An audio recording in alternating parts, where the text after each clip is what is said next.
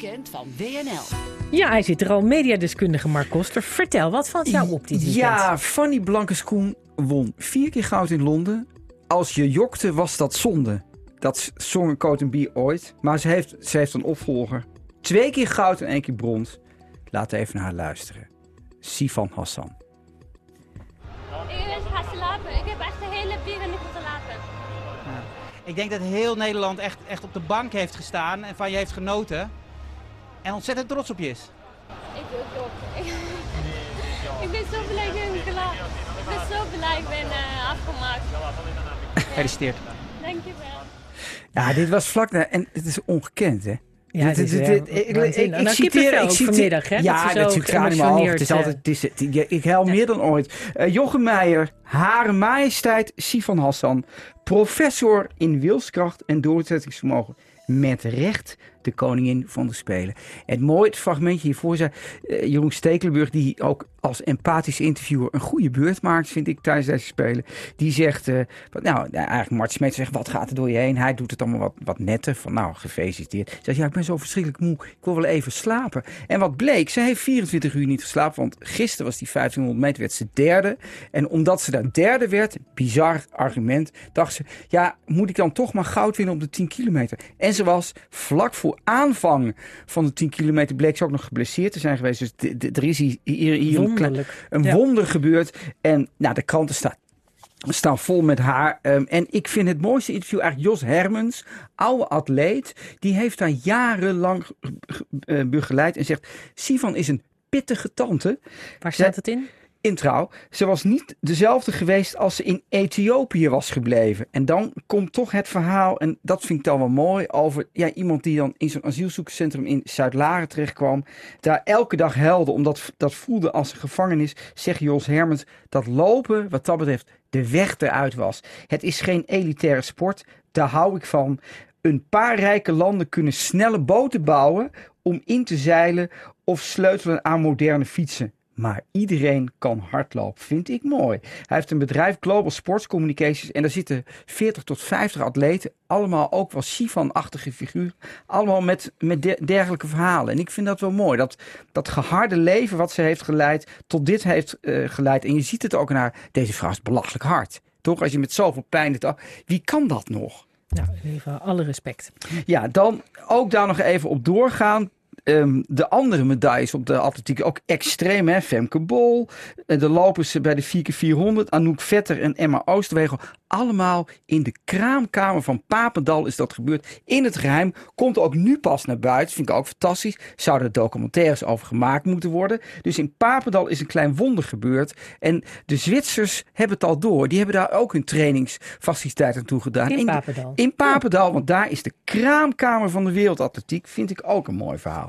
Dan tot zover de heldin. Dan gaan we naar, laten we zeggen, de anti-Sivan Hassan van het weekend is toch Hugo de Jonge. Want als we het hebben over iemand die een beetje huilt op momenten dat hij, dat hij eigenlijk geen tegenslag heeft gehad, is het Hugo de Jonge. Hij zegt in het interview, ik heb nog nooit iets beschadigends meegemaakt. En dan begint het echt. Volkskrant Magazine moet je lezen. En je moet ook even lezen wie het geschreven heeft. Want in dit interview, voor het eerst dat ik dit zag, dat een man werd geïnterviewd, daar was ook de styling werd genoemd. Koen T. Hendricks en Visagie. Dus Hugo de Jonge werd geïnterviewd, kreeg een eigen kledingsetje aan, werd in de... Is heel normaal hoor. Ja, dat, dat vind- in de- vinden in de vrouwen heel normaal. Ja, heel En- normaal. Maar voor mannen ook, hè? Het Nou, gebeurt heel vaak, Mark. Ja. Is er gewoon een stylist en een visagist?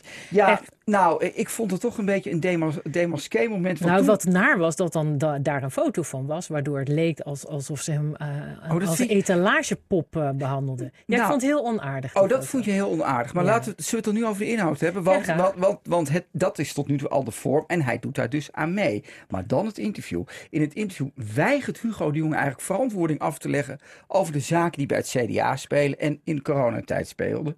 De Volkskrant vraagt aan hem... Ja, waarom koos jij nou eigenlijk voor Hoekstra en niet voor Omtzigt? Lijkt mij een volkomen normale vraag... Iets waar je, ja, dat, dat is essentie toch? Je bent politicus. Ik ga dit gesprek niet doen. Ik wil niet in een evaluatie terechtkomen. Ik, ja, dit Volkskrant. Ja, waarom is dit zo'n eng terrein? Ik zou nog even gezegd, ben helemaal belazerd, je geeft gewoon antwoord. Die man zit, die man, zegt hij over omzicht, die man zit ziek thuis. Ik ga geen woord over hem zeggen. Goeie vraag van een Volkskrant. Heb je het idee dat omzicht jou leuk vindt? Sorry, maar ik ga dit gesprek echt niet voeren. Dat, dit stoppen we nu echt. Dit ga ik echt niet doen. En dan gaan ze nog even door. Wordt, wordt, ze worden vals. Eh, hij vertelt dat hij elke dag bidt. En dan vertellen ze aan me, denk jij dat je in de hemel komt? Vraagt de Volkskrant een aan de jongen. Ik geloof zeker in het hiernamaals, maar ik ben nu bezig met hier numaals. Ik ben dit leven aan het leven en daar heb ik mijn handen vol aan. Denk je dat Siewert van Linden in de hemel komt? Siewert van Linden, het vriendje van hem, die veel te veel Met geld krijgt. ja. En dan wordt hij, dat wordt mooi, mijn hoogtepunt van het interview, zwaar geïrriteerd en heet. Sorry, mag ik even? Ik vind dit zulke lijpe vragen. Echt waar, dat doe ik, dit doe ik echt niet aan mee. Ik vind dit zo raar. Beent de kamer uit. Ik ga koffie zitten. Prachtig. Schitterend, toch? Het is in ieder geval een heel mooi verhaal in de Volkskrant om eh, even zelf terug te lezen. Ja, ja nou, nou, hij zegt waarom, en dan komt hij later wel een beetje op terug, waarom dat, ja, politiek is relaties. Je kunt zo ongelooflijk veel kapot maken als je iets over anderen zegt. Ik denk, ja, politiek is volgens mij keuzes maken, maar toch goed. Nou, ik vind dat wel verstandiger, eerlijk gezegd. Ja. Dat vind ik dan wel weer de realiteit. Ja, maar het is een heel, heel, heel raar interview. Ehm, nou, dan een tweetje van, van het weekend kwam net nog even door, vlak voordat ik hier de studio inliep. No fucking way dat ik me ga laten vaccineren. Opdonderen met je injectiespuit. Thierry Baudet in kapitalen, zo kennen we met een uitroepteken. Ehm, en dan eigenlijk zijn voormalige protégé die een nieuwe partij heeft gestart, hè, Van Haga, die ehm, wil, neemt heel veel afstand van ehm, Baudet in een interview met de Telegraaf. Probeert zich neer als een redelijk geluid. Maar dan lees je dat interview door en dan denk je, nou, zou hij zich ook laten vaccineren? Nee, dat doet hij niet. Hij heeft zijn vaccinatiepaspoort meegenomen naar de interviewer en zegt, kijk, dit zijn alle vaccinaties die ik ooit heb gehad. Ik, eh, in West-Afrika, Oman en Japan heb ik gewerkt. Ik heb in militaire dienstprikken gehad. Dus ik heb ze allemaal gehad. Maar alleen als het nodig is. Ik, ik heb ook nog nooit een, grieppil, eh, een griepprik gehad. Ik ben gezond, heb geen buikje. Dus ik neem geen coronavaccin. Het hele mantra dat ik het voor een ander doe, dat doe ik niet ermee. Ben je kwetsbaar, neem je een vaccin. Anders niet. Het is je eigen keus. Ben ik het Ja. er niet? Ja, ben jij het mee eens? Nou ja, dat vind ik toch een logisch verhaal, hem kennende. We hebben hem toch gezien in de Tweede Kamer. Het zou wel heel raar zijn geweest als hij zich ineens wel liet vaccineren. Dat zou in strijd zijn met al het vorige. Dan zou hij, dan zou hij in mijn ogen ongeloofwaardig als Ja. politicus zijn geworden. Ja, ja, nou ja, Dat ik, klopt ik- toch bij hem? Ja, klopt wel bij hem, maar je- zou toch denken, man, eh, wordt een beetje wijs. Nee, hij heeft heel veel stemmen gekregen van mensen Ja. die, die ook sceptisch zijn. Ja, maar Daar, ik- dat maar is goed, zijn maar- achterban. Maar goed, dat is mijn mening. Kijk, eh, als er straks mensen in het ziekenhuis liggen omdat ze zich niet eh, laten inenten, ja, dan de gezondheidskosten lopen op. Dus je bent eigenlijk gewoon asociaal dat je het niet doet. Dat had de Telegraaf wat mij betreft... Dat de- is ook een standpunt. Dat ja. hadden ze wat mij betreft even aan hem mogen voorleggen.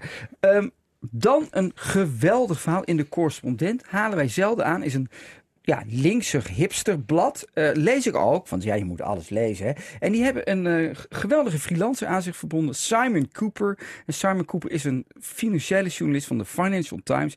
En die heeft, wat mij betreft, de beste analyse gemaakt over het vertrek van Lionel Messi bij Barcelona. Als je nummer 1 bent, gaat alles goed. Vernieuw je jezelf minder vaak en word je lui. Deze regel verklaart waarom FC Barcelona jarenlang nummer 1 in de voetbalsector zo aftakelde dat het een schuld van 1,2 miljard euro opliep en deze week gedwongen werd om Lionel Messi, werelds beste speler, te laten gaan. Barcelona ging ten onder aan het lot van de nummer 1 prachtig stuk waarin hij dus beschrijft hoe Messi eigenlijk die club in handen kreeg en ook mocht bepalen wie er kwamen. En de mensen die er kwamen, die wilden ook veel salaris. Dus eigenlijk zijn ze door het eigen succes ten onder gegaan. En ehm, in ehm, ehm, eh, dat, dat verhaal wordt dat helemaal uitgelegd hoe dat gegaan is. En Messi is nou totaal verbijsterd dat Barcelona zegt: we kunnen je niet meer betalen, je mag gaan. En de rest van het van Barcelona begrijpt het ook niet. Ineens is hun, ja, hun Sivan Hassan van Barcelona stapt op. En er Om blijft geld. niet. Wat? Om geld. Om geld. Hij gaat voor 40 miljoen gaat hij spelen bij Paris. En denk je dan niet dat ze daar dan een beetje een wrang gevoel bij hebben, zijn grote fans? Ja, dat denk ik wel. Hij heeft nog geprobeerd, dat staat ook in dat stuk, om het voor de, helft van het salaris te doen. Dus hij ging naar beneden terug dingen, dus dat was toch wel weer grappig. Maar uh, de, de, de clubpresident Juan Laporta vertelde dat donderdag, sorry, hij moet gaan. We kunnen hem domweg niet meer betalen.